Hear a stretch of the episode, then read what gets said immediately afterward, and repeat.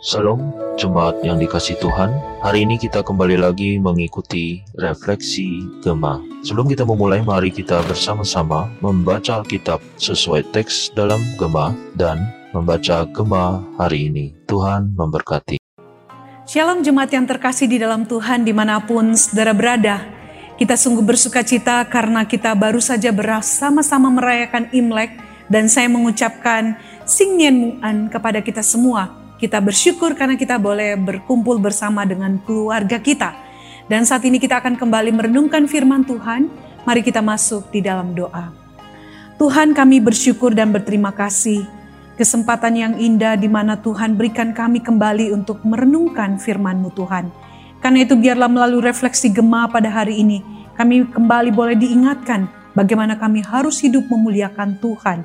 Karena itu kami serahkan waktu ini, berbicaralah kepada kami, kami siap untuk merenungkan firman-Mu. Di dalam nama Tuhan Yesus kami berdoa. Amin.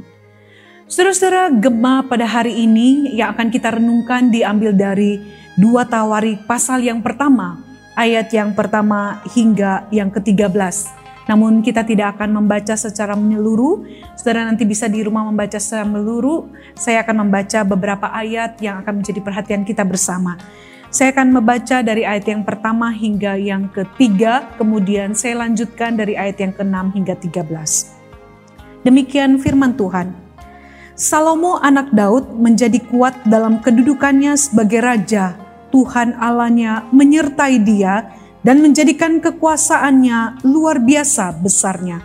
Salomo memberi perintah kepada seluruh Israel, kepada kepala-kepala pasukan seribu dan pasukan seratus, kepada para hakim dan kepada semua pemimpin di seluruh Israel, yakni kepala puak. Lalu pergilah Salomo bersama-sama dengan segenap jemaah itu di bukit pengorbanan yang di Gibeon, sebab di situlah kemah pertemuan Allah yang dibuat Musa, hamba Tuhan itu di padang gurun. Ayat ke-6. Salomo mempersembahkan korban di sana di hadapan Tuhan di atas mesbah tembaga yang di depan kemah pertemuan itu yang mempersembahkan seribu korban bakaran di atasnya. Pada malam itu juga Allah menampakkan diri kepada Salomo dan berfirman kepadanya, Mintalah apa yang hendak kuberikan kepadamu.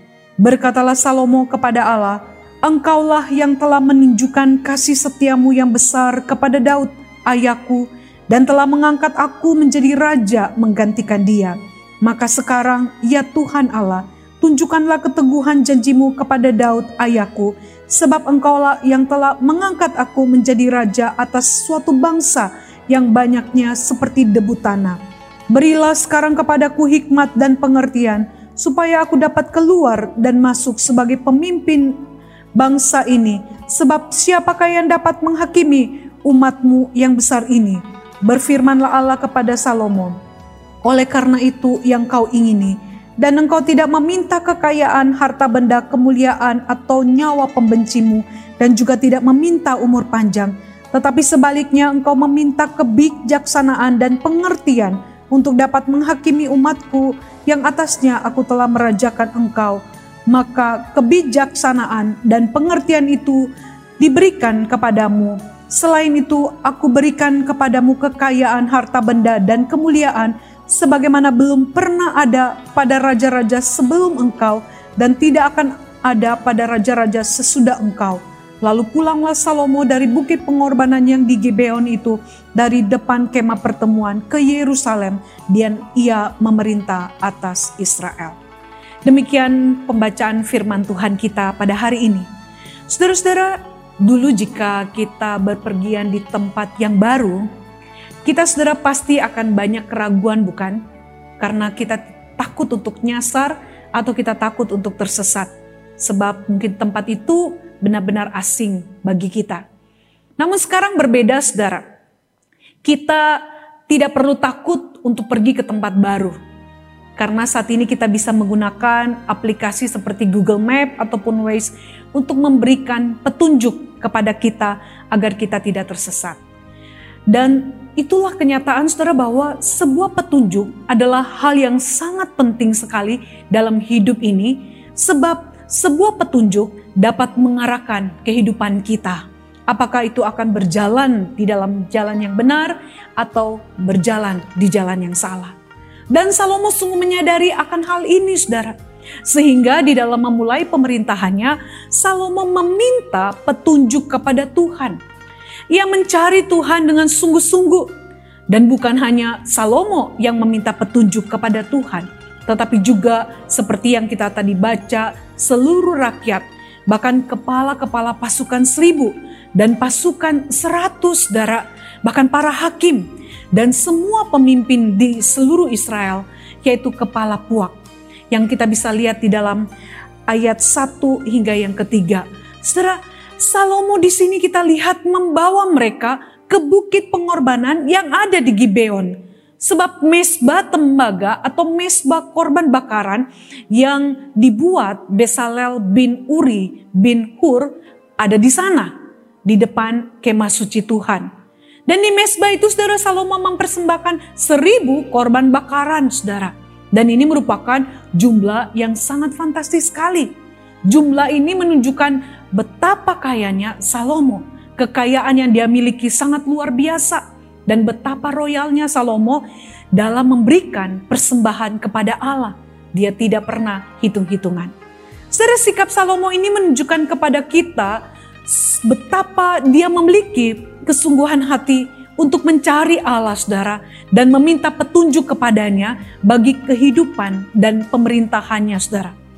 Dan ketika Allah menampakkan diri kepada Salomo di dalam mimpinya, saudara kita melihat dengan jelas saudara di dalam ayat 10 bahwa Salomo meminta hikmat dan pengertian untuk apa? Untuk memimpin umat Allah pada waktu itu. Saudara, ini merupakan permintaan yang menunjukkan bahwa Salomo benar-benar ingin bergantung kepada Allah dan dia mau seluruh kehidupannya adalah kehidupan yang benar-benar dipimpin oleh Tuhan di dalam uh, masa kehidupannya pada saat itu. Salomo menyadari bahwa hikmat untuk hidup dan pelayanannya hanya bisa ia dapatkan dari mana saudara? Dari Allah. Kekayaan, kemuliaan itu dapat dicari, tetapi hikmat itu hanya didapatkan dari Allah. Salomo sadar betul saudara bahwa tanpa hikmat semua yang dimilikinya saudara itu akan menjadi sia-sia. Ya, seseorang yang hidupnya uh, tidak menjadi berarti saudara ketika dia hidup di luar hikmat daripada Allah. Dan terkadang saudara tanpa hikmat maka semua harta, jabatan, ataupun kemuliaan itu akan menjadi sebuah bumerang di dalam kehidupan seseorang. Oleh sebab itu saudara, kesungguhan hati Salomo untuk mencari Allah, ia tunjukkan saudara dengan memberikan persembahan yang terbaik bagi Allah.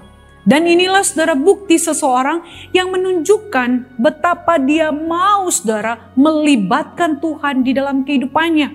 Bagaimana dia mau meminta Allah turut campur tangan di dalam pelayanannya, di dalam pemerintahannya. Dan saudara Tuhan memberikan itu kepadanya.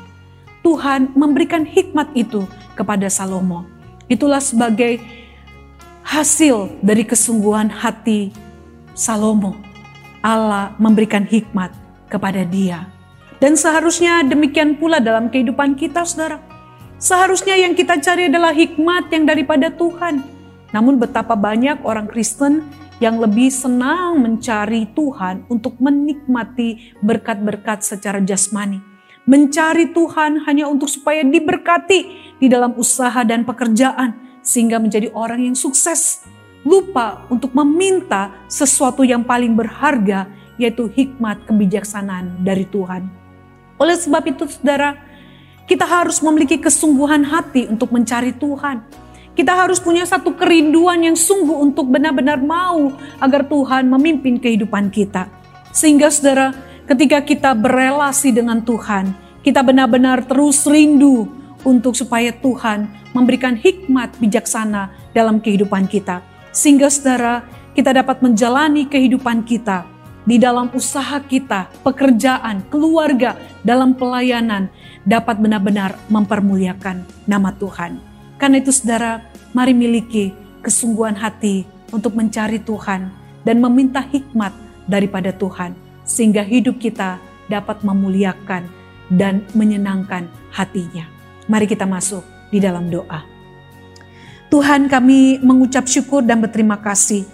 Kami kembali diingatkan bagaimana kami harus hidup seperti Salomo yang mencari Tuhan bukan untuk mendapatkan kekayaan, tetapi mencari Tuhan untuk meminta hikmat dan kebijaksanaan daripada Tuhan.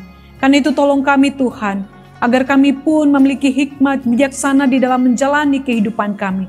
Sehingga kami tahu bagaimana kami harus hidup, sehingga kehidupan kami dapat menyenangkan dan memuliakan nama Tuhan. Ini doa kami. Sekali lagi kami mohon, pimpinlah hidup kami dan berilah hikmat kebijaksanaanmu di dalam kehidupan kami. Terima kasih Tuhan. Di dalam nama Tuhan Yesus kami berdoa dan mengucap syukur. Amin. Sudah demikian refleksi gema kita pada hari ini. Tuhan Yesus memberkati saudara sekalian.